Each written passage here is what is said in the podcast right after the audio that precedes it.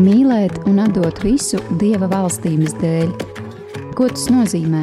Vai mūsdienās tas ir iespējams, un vai tas varētu būt tavs aicinājums?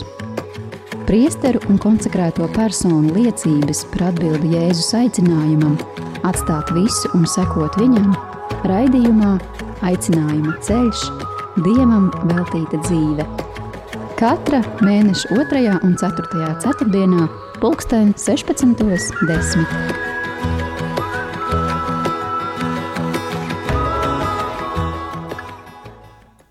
Kristus ar augšām cēlies. Patiesi augšām cēlies. Esiet sveicināti, darbie radio Marija Latvijas klausītāji, šajā skaistajā pavasarīgajā dienā. Kā ierasts ar jums kopā ir mana dārgā māsa Anna un es māsa Gunta. Šodien uz raidījuma esam aicinājuši kādu brīnišķīgu māsu, ar kuru mēs diezgan bieži satiekamies, un jāatzīst, ka pat dzīvojam vienā mājā. Bezvainīgās visvētākās jaunavas Marijas māsu kalpoņu kongregācijas māsa Inese Ieva Lietuvieta dzimusi un augusi Madonā. Kristīta desmit gadu vecumā rudzātu baznīcā, bet sešus gadus vēlāk iestājas klosterī un jau kā postulante absolvē Rīgas dizaina un mākslas vidusskolu, toreiz Lietišķās mākslas koledžu. Vēlāk ieguvusi bakalaura un maģistra grādu psiholoģijā Ljublīnas Katoļu Universitātē Polijā. Māsa Inese ir Latvijas konsekrētās dzīves priekšnieku apvienības pirmā prezidente. Šobrīd māsa darbojas kā kliniskā psiholoģe un certificēta kognitīvi behaviorālā terapeita, bērnu kliniskās universitātes vecāku mājas psiholoģe, pieprasīta lektore. Kā savu hobiju min kalnus un ceļu zem kājām. Esi sveicināta. Nu, Mīļš sveiciens. Redzījumā aicinājuma ceļš, dievam veltīta dzīve. Paldies, ka izbrīvēja laiku savā saspringtajā ikdienā būt šeit kopā ar mums. Un, tā kā mēs redzam no tās, tā, tās īsās vizītkartes, ko nolasījām, ko mēs cenšamies darīt, tādu, taisīt tādu ļoti nu, apzināti tādu kompaktu, kurā cenšamies apkopot būtiskāko, redzam, ka tev piemīt ļoti daudzpusīga un radoša personība.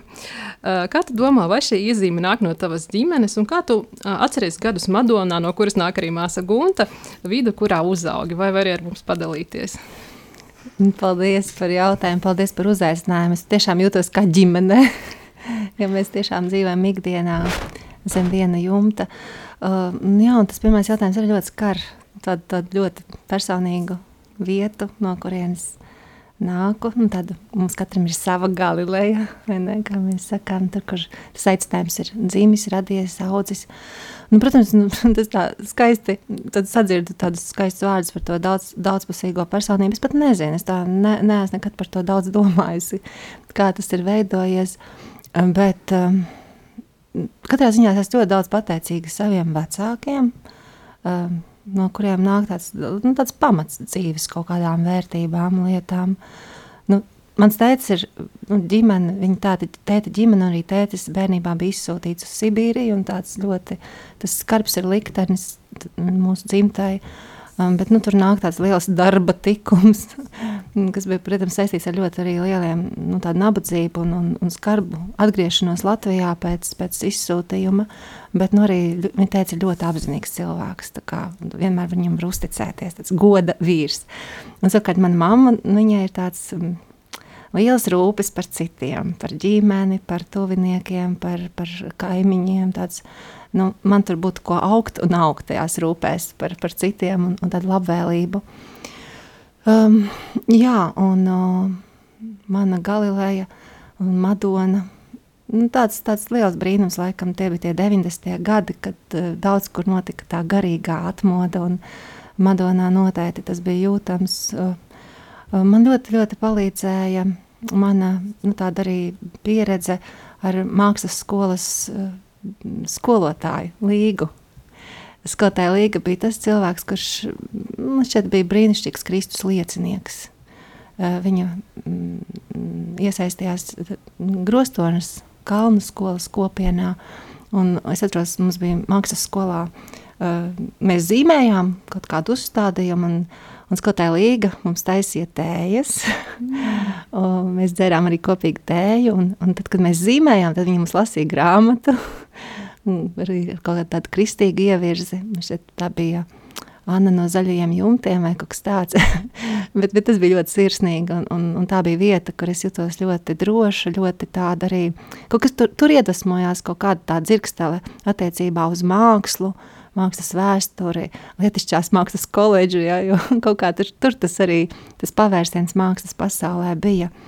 Um, savukārt no vecākiem, no vecākiem es saņēmu, viņi diezgan stingri mani audzināja, bet tas, kas mani pārsteidz un nebeidz pārsteigt, ir tas, ka viņi man deva ļoti lielu brīvību. Var teikt, viņi uzticējās man ļoti agrīni. Es atceros, ka es varēju braukt uz Rīgu, um, sagatavošanas kursiem Lietišās mākslas koledžā.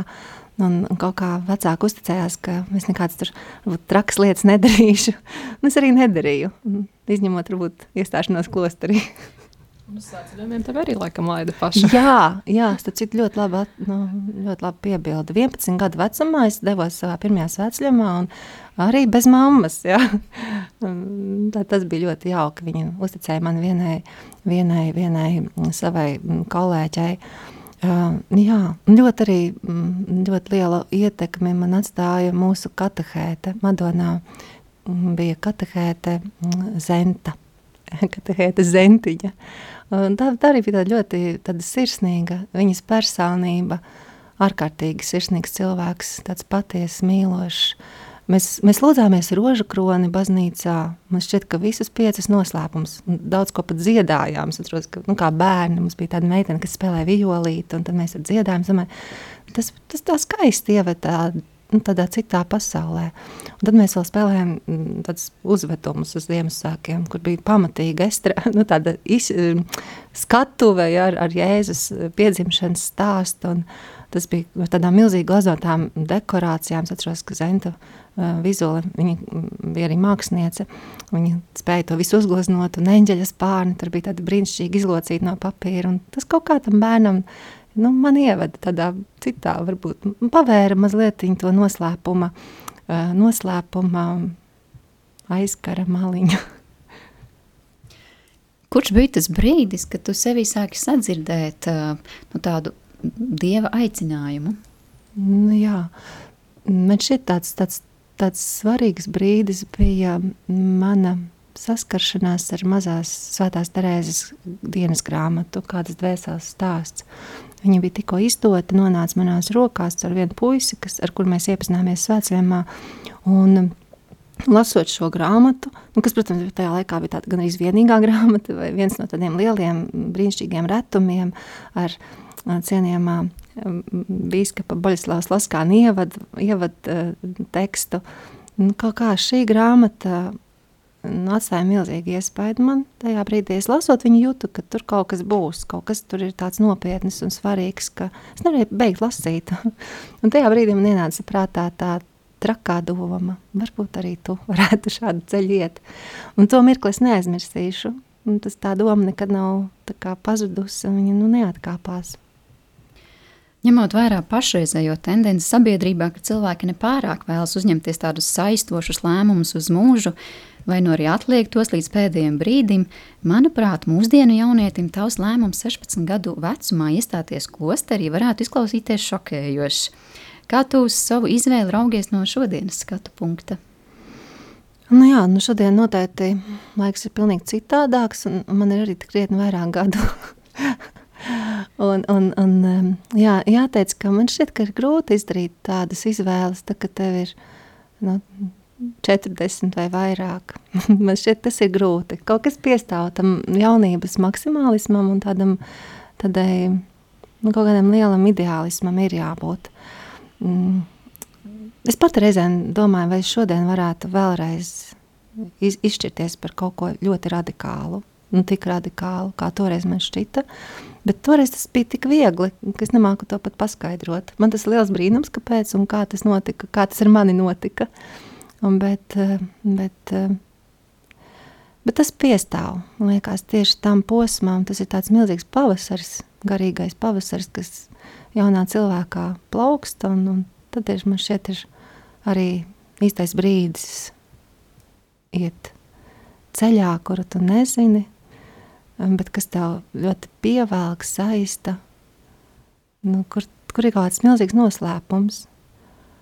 um, jā, es varētu teikt, ka, ka tā konsekrētā dzīve ir liels noslēpums, kas ir bijis simtiem gadu pirms tevis, būs pēc tam, varbūt kaut kādā citā formā, bet, bet es esmu pa vidu, un tas ir kaut kas tāds arī. Reizēm pats sev uzdot šo jautājumu, kāpēc tas notika ar mani. Kāda bija tavas ģimenes drauga reakcija, kad viņa paziņoja, ka es iestājusies klosterī? Es varētu teikt, es biju ļoti nenobriedus. Es, es īpaši nu, pat baidījos par to kādam teikt. Un, un mans tētis absolūti nav saistīts ar baznīcu. Es sapratu, ka viņam tas būs ārprātīgi sāpīgi uh, to dzirdēt. Un, un ilgi viņam neteicu. Man šķiet, līdz pat noviciāta laikam, kad man bija jādodas uz Poliju. Bet uh, mammai es pateicu, un mammas reakcija bija, nu, tās bija sāpīgas, sāpīgas sajūtas, asaras. Uh, tas sāpēja manai mammai ļoti. Uh, es to atceros. Um, bet tāpat laikā nu, Dievs ļoti, ļoti daudz tajā brīdī darīja manā ģimenē. Mans, mm, kā, mana mamma pievērsās baznīcai. Ja viņa ir uh, saknes Latgalē, katoliskas saknes, bet viņas bija mazliet atstātas novārtā komunismu gados. Uh, bet, bet mamma ļoti kaut kā piedzīvoja Dieva pieskārienu. Arī mana māsa un kaut kā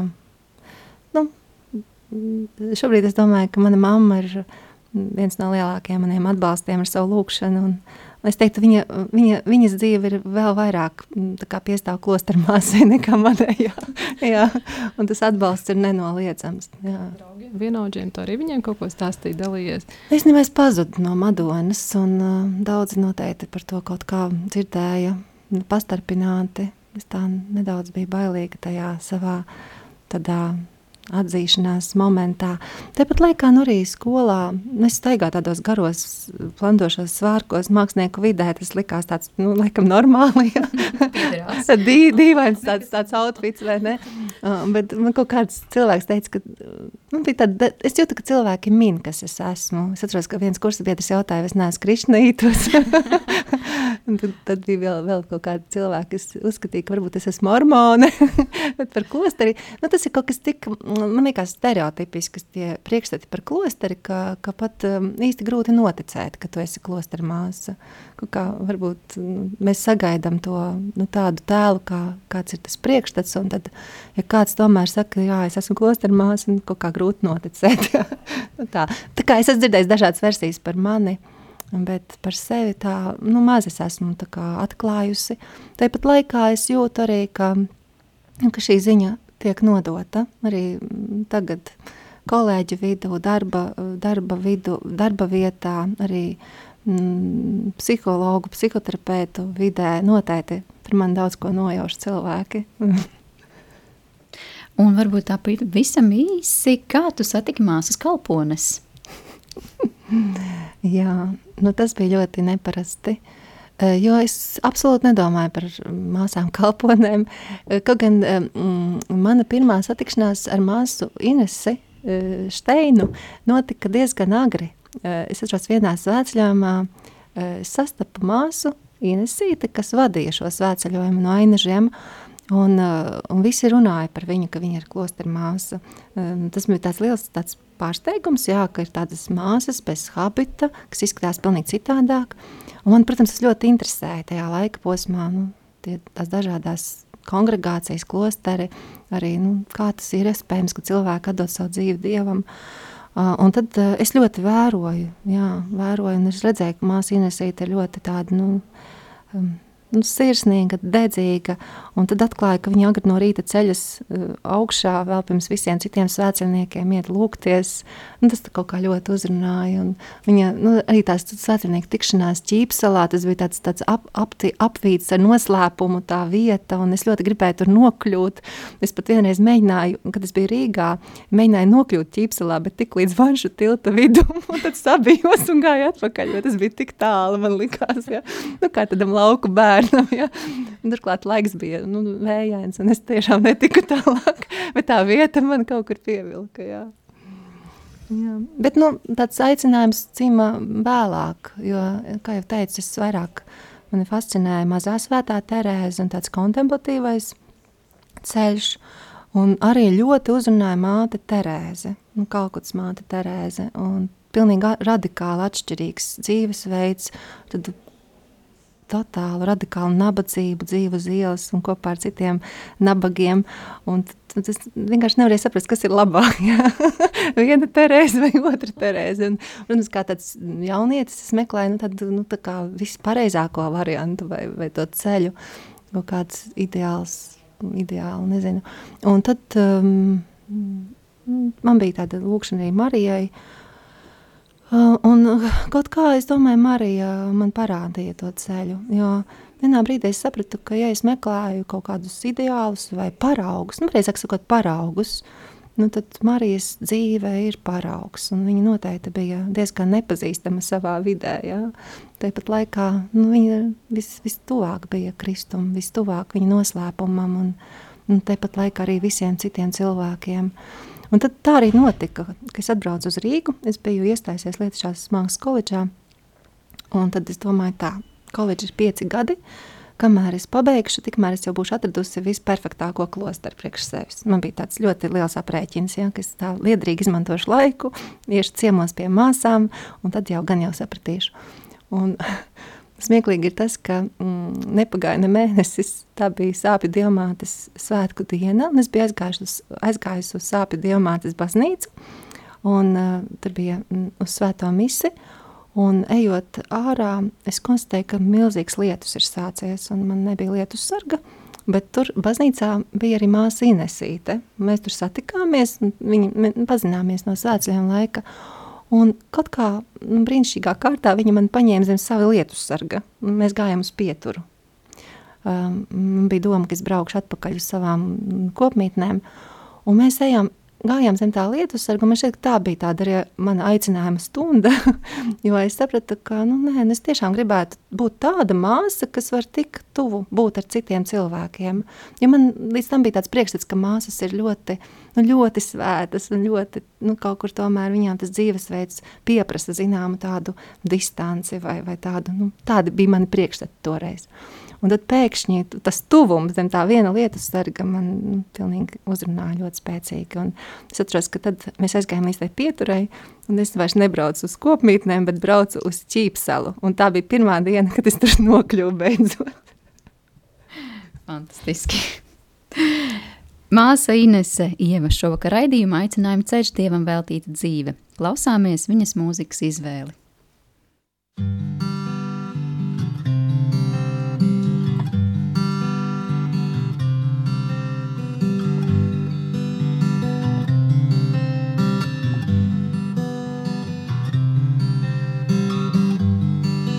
Ja es runātu cilvēku neņģeļu valodos, mīlestības man nebūtu, es būtu kā dordūšais varš un kā skanūšais vorguļs, ja man arī būtu pravītošanas dāvana.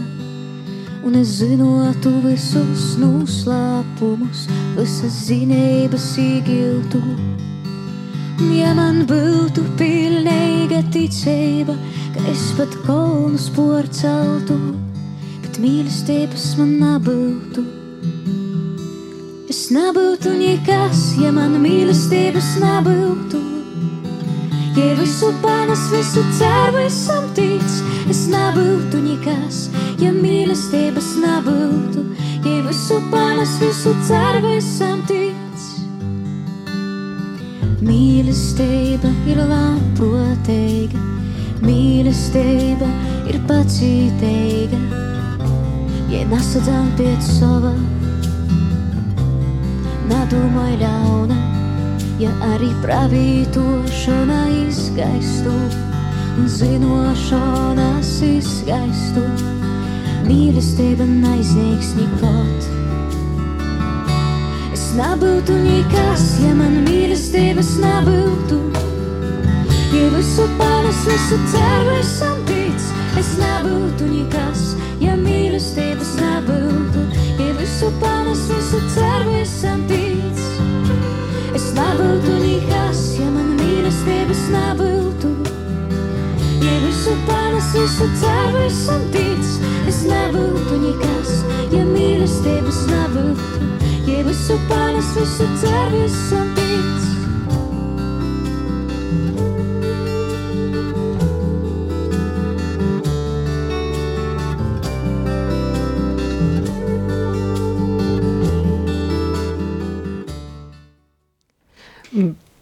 Bet tagad, mīļā māsa, atļaušos nocitēt, kāda tev ļoti dārga cilvēka sacīto par tevi. Un tev būs jāpasaka, kurš to ir teicis. Ines ir drosmīga, ļoti labi orientējas dažādās dzīves jomās. Viņai ir savs viedoklis, nedaudz spītīga. Viņai ļoti patīk daba un izteikti kalni, klintis, okeāns. Viņa ir sajūsmā par dažādu neparastu garšu salikumiem un niansēm. Manuprāt, arī adrenalīna atkarīgā. Kad Inese iestājās klosterī, man šķita, ka manai dzīvē pienācis gals, jo biju plānojusi dzīvot netālu un audzināt kopā bērnus. Vismaz divus gadus pēc viņas izvēles es piedzīvoju dziļas skumjas un dusmas par viņas izvēli, līdz Dievs vienkārši palīdzēja to pieņemt. Sapratu, ka man galvenais, lai viņa ir laimīga savā aicinājumā. Caur viņas izvēli nostiprinājās arī mana personīgā ticība Dievam. Ines ir ļoti smalkjūtīga un pacietīga pret saviem vecākiem. Sine. Tagad, tagad ar tādām skumjām, un tad domāju, es visvairāk nodarīju pār savai māsiņai. Jā, tā, tā bija, jā. tas bija tāds, man liekas, pavadiens. Jā, paldies. paldies tiešām. un vēl kāds ļoti mīļš cilvēciņš tev arī par tevi ir teicis, viņa ir mana vismīļākā krustmāmiņa. Viņa ļoti drosmīga un nebaidās izaicinājumus. Nezinu. Nezinu. Nezinu. Nenojaut. Tur ir kāds no krustbērniņiem mīļajiem. Viņi ir četri, man māsai ir četri bērniņi. Tad kāds no viņiem izklausās vai nu, vai nu Marija vai Frančiska. tā ir Marija. Marija. Māsiņa varbūt arī var pakomentēt drusceņa dziesmu. À, dziesmu. Uh, mēs šo dziesmu nesen dzirdējām mūsu kopienā. Jūs atceraties, vai nebija tāds brīdis, ka, jā, ka viņa tika dziedāta. Un tajā brīdī es kaut kā sapratu, ka tur skan kaut kas tik mūžīgs, tas man ļoti uzrunāja. Um, par to, ka ir kaut kas, kas nemainās, kas, ka pasaules lietas mainīsies un mainās un mainās aizvien ātrākā tempā. Un reizēm ir tā sajūta, ka pazūd zeme zem kājām vai pamats. Viss var tikt apšaubīts vienā dienā. Um, tas man ļoti reizēm biedē. Uh, un tad tur pēkšņi tāds pamats.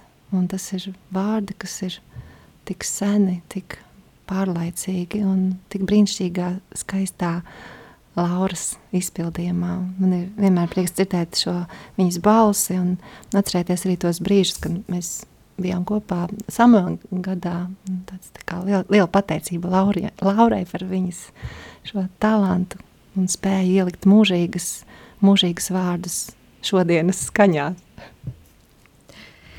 Atgriežoties par aicinājumu, vai šajā savā mm, klostra dzīvē ir bijis kāds brīdis, kad ir tāda, nezinu, nožēla bijusi nu, par lēmumā būt par bezhabita māsu.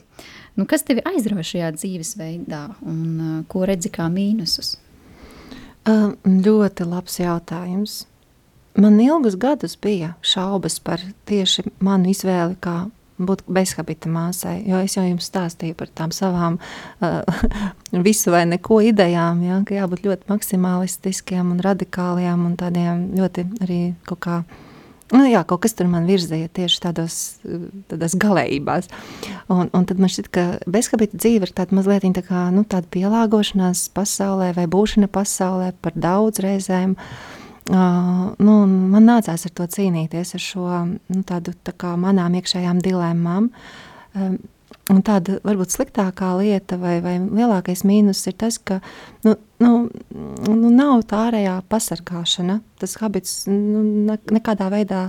Nu, katrā ziņā mēs esam ļoti tuvu pasaulē, ļoti tuvu nu, ikdienai, ļoti tuvu citiem cilvēkiem, strādājam darbos kopā ar citiem cilvēkiem. Un nereti tas traucē varbūt saglabāt tieši to garīgo vidi vai, vai, vai tādu, negribās teikt, sterili klostrisko vidi. Un, un reizēm ir ilgas pēc tādas veida, tāda veida dzīves vai nu, īpaši rekolekciju laikā uznāk tādas ilgas, ka varbūt tas bija kaut kas tāds vērtīgāks. Bet tāpat laikā, ejot gadiem, nu, manī aizvien vairāk, vairāk nostiprinās pārliecība, ka nevis es izvēlējos šo ceļu, bet Dievs to izvēlējās. Uh, ka nu, Marija mani veda šajā ceļā. Man par to nav nevis mazāko šaubu. Tas bija tāds liels spēcinājums arī aicinājuma ceļa sākumā, ka man bija sajūta, ka es to neizvēlos, ka tur, tas ir kaut kas lielāks par mani, kāpēc es esmu tieši šeit. Nevis cilvēciski, bet, bet kaut kāda cita, cita veida uh, vadība. Un tagad, pēc jau daudziem gadiem klosterī, es tieši bezhabita māsas dzīvē, es ārprātīgi novērtēju šo ceļu, Īpaši redzot, cik ļoti šobrīd notiek šie uzbrukumi baznīcai, un jo tas ir redzamāks, jo, jo mazāk cilvēku, cilvēku tevi, tevi ieklausās vai, vai kaut kā.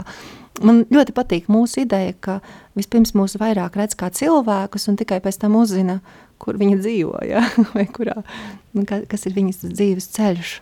Un tas man ļoti, ļoti priecina, ka būt, nu, viņa, šī forma ir ļoti atbilstoša mūsdienām, ļoti atbilstoša, ļoti tāda kā es saku, spējīga izdzīvot, tāda spējīga pielāgoties ar izmaiņām.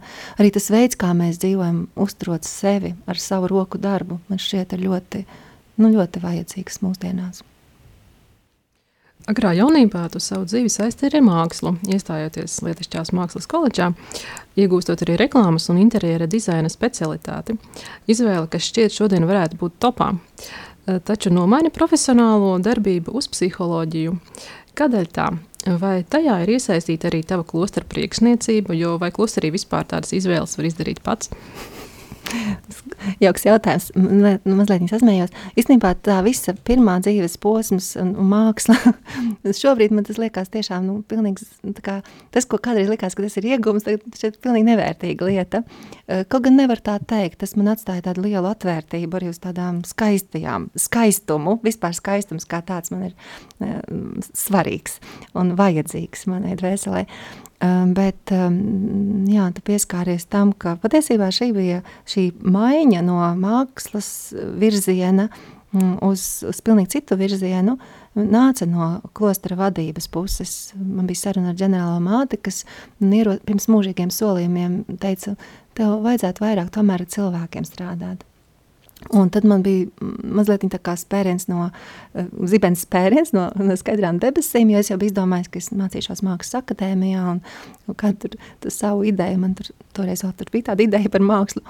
Un, un tad es sapratu, nu jā, tas ir tāds svarīgs mirklis, un man ļāva izvēlēties, vai es vēlētos varbūt kā pedagogs strādāt, kā psihologs, varbūt katehēte, teoloģiju mācīties. Un, nu, man visvairāk sirdī bija par psiholoģiju, mm, tā kā mirdzēja acis uz to. Un, un, un tā pavērās man brīnišķīgas iespējas studēt psiholoģiju arī Polijā. Un es neskumu par to, ka mans dzīves ceļš tika pavirzīts citā virzienā, uh, Bet, bet šis ir tas mirklis, kur es noteikti varu novērtēt to, ka mūsu paklausībā ir kaut kāda liela svētība. Ja? Es reti, kad esmu to piedzīvojis kā tik lielu svētību, jo šobrīd es patiesībā absolūti sevi neredzētu mākslas pasaulē. Un es vēl toreiz nenojautu, cik ļoti es varbūt esmu piemērota kaut kam citam. Un, un, un šis mans darbs, ko es daru šobrīd, man šķiet vislabāk savietojams ar manu aicinājumu un arī ar manu personību. Daudzus gadus es strādāju arī par lektoru Rīgas augstākajā reliģijas zinātņu institūtā, un uh, tavu pētniecisko interešu lokā ir arī reliģijas un psiholoģijas miedarbība. Dažkārt sastopam arī tādu uzskatu, ka teoloģija, reliģija un psiholoģija ir kā tādi nesamierināmi pretstati, kas viens otru izslēdz. Kas tev ir par to sakāms? Nu, man ir grūti kaut kā ieraudzīt pretstatus. Man ir pat tāda sajūta, ka nu, katra zinātne arī dod tādu paplašinātu skatījumu, un mm, tiksim, nu, ticība un, un, un prāts Tas ir nu, svarīgi viņus savietot. Psiholoģija man palīdz eh, paplašināt skatījumu uz cilvēku. Tas ir kā jautāt, nu, vai tu gribi skatīties ar vienu aci vai divām acīm. Nu, es labāk ar divām skatos, ja, vai, vai ja man būtu trešais, arī ar trešo skatītos uz cilvēku. Un, un, un, un, jo, jo mēs varam to redzēt daudzdimensionālāk, jo labāk priekš mums. Jo problēmas rāda, sākas tad, kad mēs redzam tikai vienu vai divas plaknes, nevis to dziļumu. Tāpēc eh, nu, nē, es nesaskatu tur problēmas. Problēmas radās varbūt nepareizās izpratnēs, gan par psiholoģiju, gan par teoloģiju. Atklāsim klausītājiem, ka nākamā gada svinēs kādu diezgan nozīmīgu klostera dzīves jubileju. Uh, un par šiem gadiem noteikti, kā saka, ir arī visādi gājis, un ir dažādas krīzes pārvarētas un piedzīvota prieka un gandarījuma brīži. Un kāda ir tava personīgā recepte krīzes situācijām? Nu, šis ir ļoti svarīgs jautājums. Um, krīzes ir kaut kas tāds, kas uh, vienmēr pārsteidz. nu, un, ja būtu zināms, kā to pārvarēt, tad tā nebūtu krīze. Ja? Līdz ar to, ja man būtu instruments, kā pārvarēt kaut ko, tad tā nebūtu krīze, tas būtu problēma. Ja? Un krīze ir noslēpums, un ja mēs viņā ieejam, tad tas kaut ko liek augt un mainīties. Uh, es kaut kā varbūt esmu pasargāta no milzīgām krīzēm, bet viņas ir ik pa laikam. Un tas, kas man palīdz, ir, ir nereti ir vajadzīgs paiet malā un iegūt lielāku bildi. Un tā kā attālināties mazliet no tās savas problemātiskās krīzes situācijas un paskatīties mazliet no putna lidojuma uz to visu. Un, lai dabūtu šo perspektīvu, nu, man ļoti palīdz laiks vienatnē, laiks arī dabā. Svētceļojums, nu kaut kas tāds, es nemāku to izskaidrot, kur tu esi pilnīgi viens ar Dievu un kaut kur arī ārpus pilsētām. Ja? Uh, bet uh, nu, tas ir tāds vieglākais veids, ko es varu pateikt, kas man tiešām strādā lielākās vai mazākās grūtās situācijās. Un arī, jā, laikam, laikam tas pie tā varētu palikt. Arī tas, ka es redzu, ka nu, pa šiem gadiem es redzu, ka mm, daudz kas mainās, visātrāk mainās uzskati vai, vai viņi nolobās. Un, tas, kas šodien ir svarīgs, varbūt rīt nebūs tik svarīgs. Un, nu, ne, mēģināt neciest par to, ka lietas mainās. Drīzāk nu, turēt to jauno tādu vēlmi redzēt, kas būs tālāk, kas, kas, kas, kur Dievs mani ved tālāk. Nepieķerties kaut kādām situācijām, kā tam būtu jābūt. Tas man laikam palīdz šobrīd. Labi, paldies par atbildi. Un tagad klausāmies māsas Ineses Ievas izvēlēto dziesmu.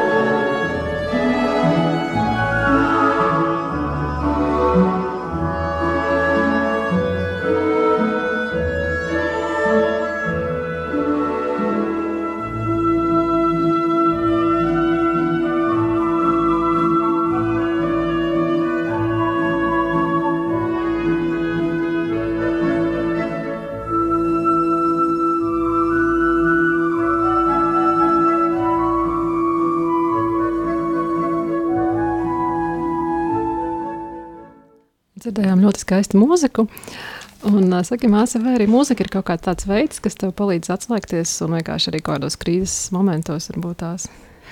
Īstenībā es maz klausos mūziku, vai nu, vispār skaņas, jo man ir nu, kaut kā mana dzīve ir daudz ir skaņas un sarunas, un es nevaru daudz eh, veltīt laiku vēl papildus tādām eh, nu, tā kā, lietām. Ja es kaut kādus tādus darbus vienkārši daru mājās, tad man ļoti patīk. Man ļoti patīk čels, ļoti patīk, jā.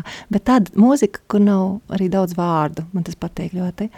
Un šī, šī skaistā melodija, man viņa vienmēr atsauc atmiņā dārziņa personību, un viņa tādu, nu, tādu smeldzīgi traģiski skaisto nu, stāstu. Jo es, es pandēmijas laikā lasīju grāmatu par viņa biogrāfiju, un, un tāds, var just viņā tādu nu, milzīgu ideālismu, tā, tā, tā laika tādiem romantiska, romantiskā stila, arī poruka stila tādu ietekmi. Nu, viņi, viņi bija draugi, un šī, šī dziesma, šī melodija viņam atnāca arī tad, kad viņš bija ciemos pie poruka, un ir tāda, arī tāds nostāsts, ka viņš redzēja tā kā dievmāti krēslas stundā, un, un tad uh, dzīma šī skaistā melodija, un, un viņa iemieso arī nu, dārziņa tādu jūtīgumu, tādu tādu smeldzi, ja, tādu, nu, nu, kā mēs reizēm ikdienā mūsdienu pasaulē izvairamies no nu, tādas ilgām smeldzes, no kaut kāda nepiepildījuma un tāpat laikā arī viegluma tajā visā mm, nopietnībā. Un, um, tas ir arī tāds milzīgs kaut kas, mm, kas man ļoti uzrunāja par to dārziņa stāstu, ka viņš viņu apsūdzēja mm, plaģiātismā, ka viņš ir kopējis Sibeliusa darbus, tas laika biedrs, Un, un tad viņš eh, to uzsvēra tik sāpīgi, jo viņam tā personība ļoti jūtīga un tāda, nu, ļoti emocionāla. Uh, un, un tad viņš aiz tām sāpēm tās savus visus komponētos darbus sadedzināja.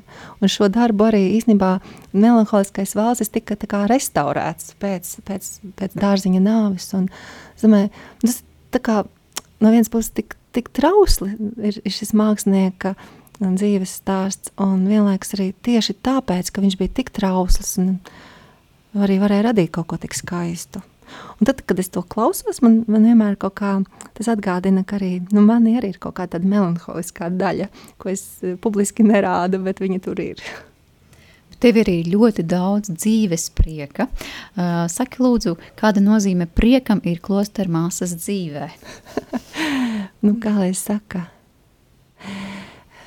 Es nezinu, prieks ir eh, noteikti dāvana, bet varbūt tas ir, nu, nu, tā ir dāvana viennozīmīgi.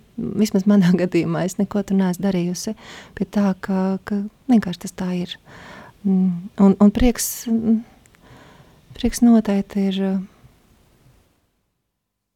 prieks ir pateicība patiesībā. Pateicība par to, kas ir. Nevis raizēšanās par to, kā nav vai nebūs tūlīt. Un, un man šīs lietas, nu, pateicība ir ļoti svarīga. Jā. Es jūtu, cik man tas ļoti atver un nu, varbūt arī palīdz pārvarēt krīzes. Nu, jāsāk ar pateicību, ar to, kas tev ir. Un, un, un, un, jā, es nemācīšu atbildēt par prieku, bet katrā ziņā ir daudz vieglāk dzīvot ar prieku nekā bez prieka.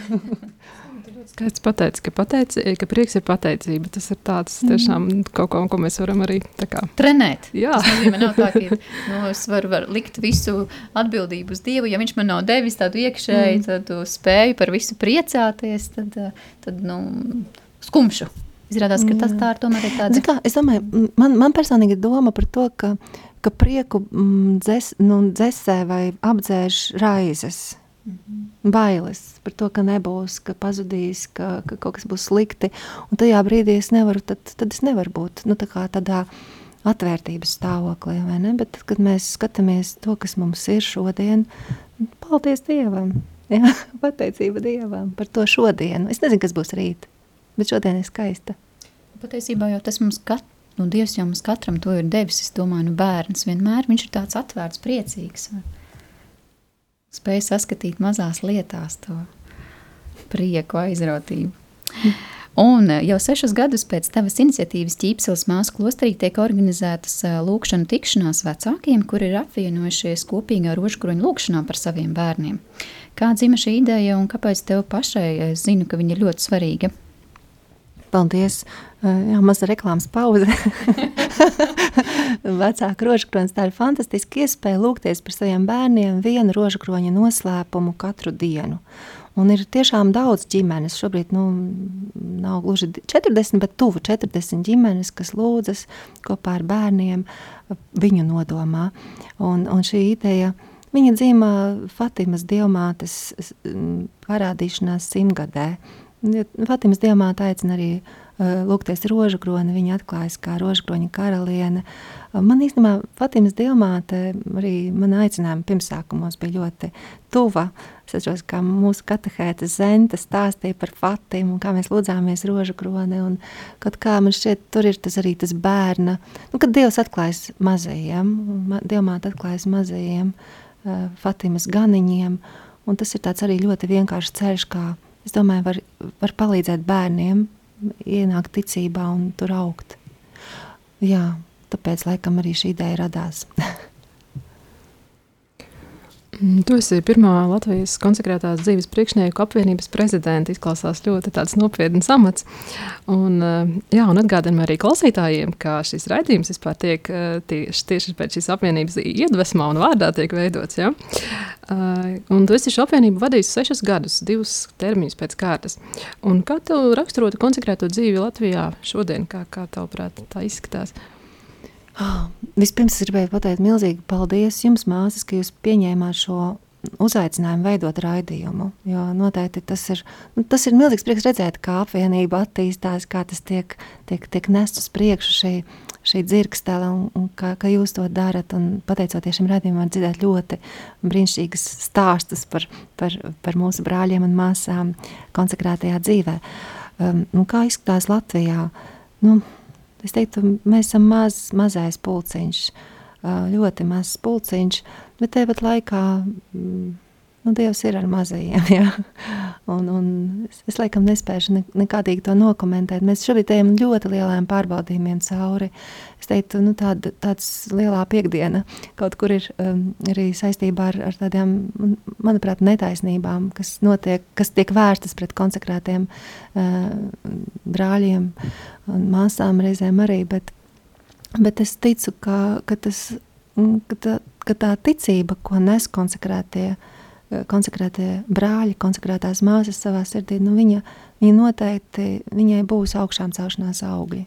Bet šobrīd ir tā nedaudz tāda lielā piekdiena vai sestdiena, tāda sajūta, ka mēs esam šajā noslēpumā. Tādā lielā paskālā noslēpumā arī tādu atkailināšanos un tādu miršanu sev un savām, varbūt, idejām par to, kā vajadzētu izskatīties konsekrētai dzīvē Latvijā. Bet, eh, bet es ticu, konsekrētā dzīve dzimst no, no augšām celtā Kristus. Jā, tāpēc jā, mēs esam ceļā uz augšām celšanos. Tas dod cerību. Daudzus gadus esi strādājusi aicinājuma jomā, gan vadot rekolekcijas jauniešiem, kurā, kurās mēs pašas esam piedalījušās, gan aizsākot arī Samuēla grupu, kas veltīta dzīves ceļa izzināšanai.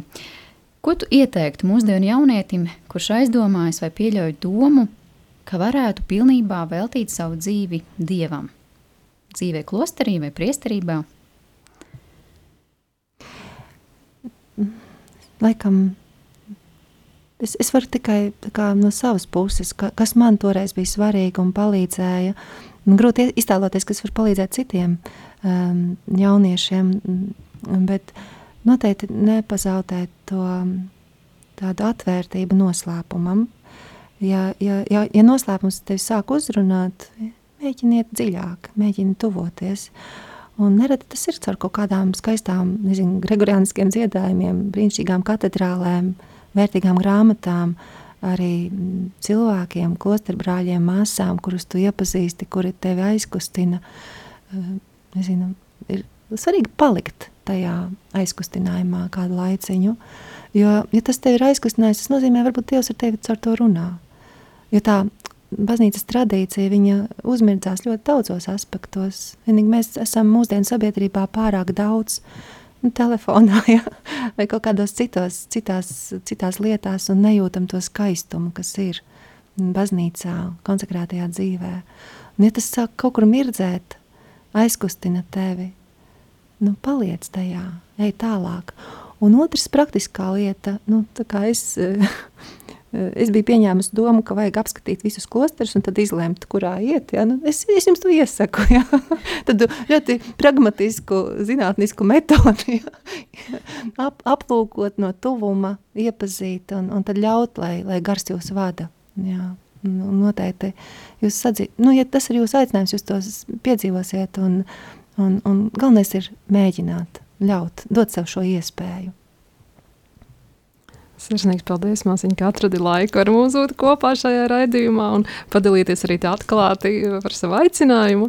Un tā kā arī vēlamies no savas puses tavu turpmāko dievmātes vadību tajā ceļā, ko, ko tu ej.